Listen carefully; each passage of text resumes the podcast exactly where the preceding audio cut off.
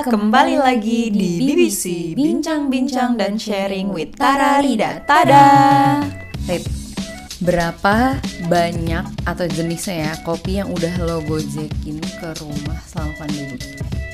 Wah pas banget nih pertanyaan lo, gue jadi mikir Saking seringnya ngegofoodin kopi Itu sampai udah nyobain yang terkenal Yang sering Hmm. muncul di apa Instagram iklan lo sama yang kalau dari GoFood gue ya udah nearby gue yang gue juga nggak tahu itu merek apa. Dan iya ya gue jadi baru sadar dan kebanyakan gue selalu misalnya kopi susu karena gue nggak terlalu suka yang kayak cold brew-nya gitu loh. Ah, terus banyak ya ternyata. Banyak banget dari yang tadi yang lo bilang terkenal sampai, yang, Sampai yang- logonya mirip yang terkenal. oh iya bener atau kayak ibaratnya kayak plesetannya juga dari yang Ah. udah terkenal gitu ya. Ya sih banyak banget tar kopi yang udah gue cobain. Kalau lo sendiri gimana? Banyak juga sih karena kan lagi-lagi saya bikin makanan nih. Kalau kopi susu banyak banget yang dicobain. Sampai kadang-kadang bingung juga gak sih? Di Indonesia sekarang ada berapa jenis kopi susu? Mereknya tuh udah berapa kayak nggak kehitung kan? Banyak banget. Dengan yang tipikalnya sama ke makanan Iya sih, bahkan kayak karena gue sendiri juga bukannya kayak lo nih bisa mengkritik uh, makanan atau kayak punya preferensi terhadap makanan. Jadi kalau ditanya, lu paling suka kopi apa? Ya yang ada aja deh.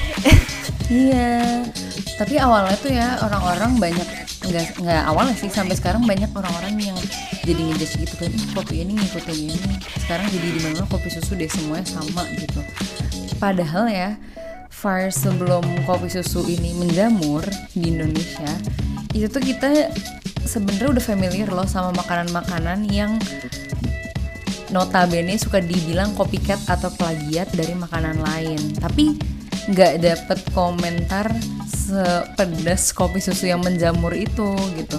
Kalau dipikir-pikir ya sebenarnya ada eh tahu nggak sih Tokyo Banana? Kan kalau di Jepang tuh ada. Iya. tapi di Indonesia pun tuh ada yang bentukannya mirip banget walaupun rasanya beda gitu. Terus kayak King Mango, King Mango. inget gak sih? Ingat-ingat. Yang waktu itu tuh ngantri banget kan. parah sampai sejam lebih. Tapi sekarang udah gak terlalu ngantri. Sebenarnya tuh di sekitar kita udah banyak hal-hal yang dibilang plagiat atau copycat ya gimana ya nggak nggak juga iya sih, nggak tapi sih kalau menurut gue dari pengalaman gue mencoba banyak kopi susu itu tadi, Mhm. apakah tepat ya dibilang ini tuh plagiat Hmm. atau plagiarisme gitu?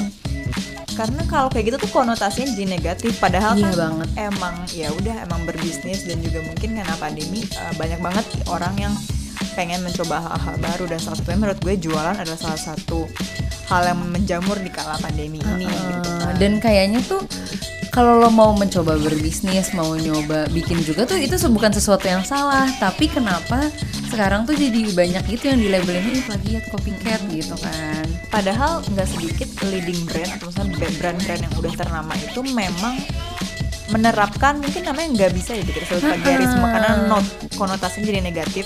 Mungkin lebih cocok disebut dengan amati tiru dan modifikasi. Alias ATM alias ATM gitu. Nah cuman yang harus di highlight adalah jangan lupa si M-nya tadi nih iya modifikasi bener-bener. gitu. Jadi kalau lo tanya ke gue kopi susu mana yang uh, menurut lo paling enak, gue jujur nggak bisa jawab. Tapi Hmm. kalau lo tanya ke gue mana yang paling unik, Hmm.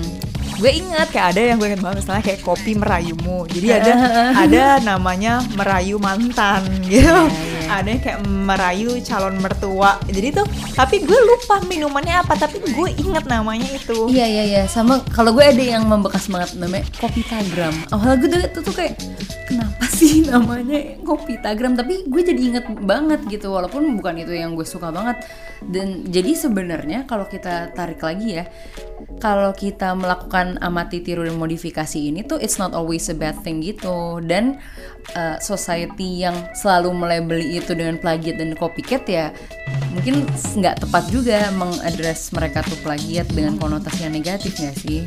Iya sih, dan menurut gue sendiri dengan tadi ya kita fokus ke modifikasinya, jadi itu bisa jadi unique selling pointnya juga untuk produk itu sendiri, terutama buat kayak teman-teman atau bahkan gue sendiri yang juga mencoba belajar punya usaha kecil-kecilan kayak gitu kan. Dan dengan metode apa pun yang kalian gunakan untuk berbisnis gitu ya penting banget sih buat dengerin feedback untuk inovasi juga. Dan ya jangan takut juga ngeluarin cost buat research and development. Nah, benar-benar itu juga dalam bentuknya bisa macam-macam. Mungkin yang jualan kopi nyoba biji kopi lain atau nyoba teknik buat kopi yang lain gitu. Dan sebenarnya amati itu juga penting gak sih? Jadi kalau misalnya itu sebenarnya dampak dari tadi sih. Kita kayak sering banget nggak sengaja mungkin ya melabel ih plagiat copycat najis gitu. Sebenarnya ya, itu tuh juga bisa berdampak yang nggak baik loh. Orang jadi tertakut untuk mempelajari ibaratnya yang udah ada atau kompetitornya mungkin so dikatakan kompetitor. Karena kayak ah ntar kalau gue ngikutin belajar ini dari brand yang udah ada ntar kalau misalnya gue ambil yang bagus-bagus gue dibilang copycat Nah itu orang jadi kayak takut gitu kan. Padahal kalau kita ya namanya mau berbisnis gitu, apa pun nih nggak mesti bisnis ya. Belajar itu penting banget. Bahkan kayak ada pepatah kan yang know your enemy juga gitu kan. ya kita emang harus gitu loh dan jangan takut kalau ada yang bagus itu nggak apa-apa kita ambil nggak sih pelajaran dari situ jangan Bener, sampai bener. takut kan ya harus bisa mengcombine informasi-informasi yang dimiliki dengan tadi ya teramati tadi ya dan mungkin bisa digaris bawahi amati tadi tuh juga kalau kita tahu kalau selain know your enemy juga know the history. Sebenarnya kayak uh, dengan lo tahu itu tuh jadi semakin punya banyak source pengetahuan atau source ilmu tadi yang bisa diterapkan ke bisnis yang mau dibuat atau hal-hal yang atau apa pun yang ide dikerjain deh atau ide yang kalian punya gitu dengan tahu sebenarnya sejarahnya apa sih gitu. Iya, kalau misalnya dengan kita belajar dari history itu kita bisa menghemat waktu juga loh. Misalnya ya udah ada percobaan A gagal ya udah maksudnya entah kita bisa belajar dari kesalahan itu atau kayak ya udah nggak usah nyobain itu gitu kan. Setuju setuju. Nah kalau tadi kan kita ngomongin lebih ke kop, maksudnya kita ngomongin kopi ya tadi tar untuk ATM ini.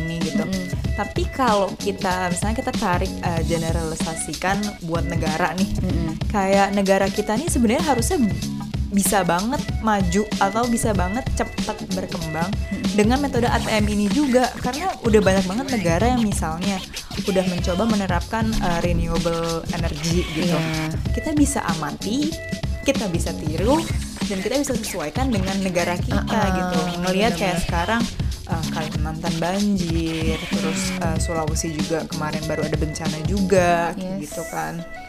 Dan ya kita lagi banyak lah berita duka sebenarnya dan itu juga sebenarnya bisa disambungin juga dengan kontribusi kita sendiri terhadap tanah yang kita injak gitu. Iya, betul sekali. Mm, Jadi kayak buat teman-teman yang mau mempelajari atau memperdalam ilmu amati tiru dan modifikasi, mungkin bisa juga nih untuk sambil mikir sih yang bisa dilakuin juga buat negara kita. Iya benar. Dan ya tadi nggak perlu takut oh iya gue jadi plagiat nih. Dan dari sisi kita sebagai yang viewernya pun misal kita lagi nggak mau melakukan itu jangan terlalu apa ya jangan terlalu menggeneralisasi "Ah, ya ini plagiat atau kayak langsung judge gimana. Karena ya mungkin ada lah pasti uh, sesuatu yang dibawa sama ya entah itu bisnis atau, atau apa pun itu yang dilakuin Sampai jumpa di BBC berikutnya. Tada!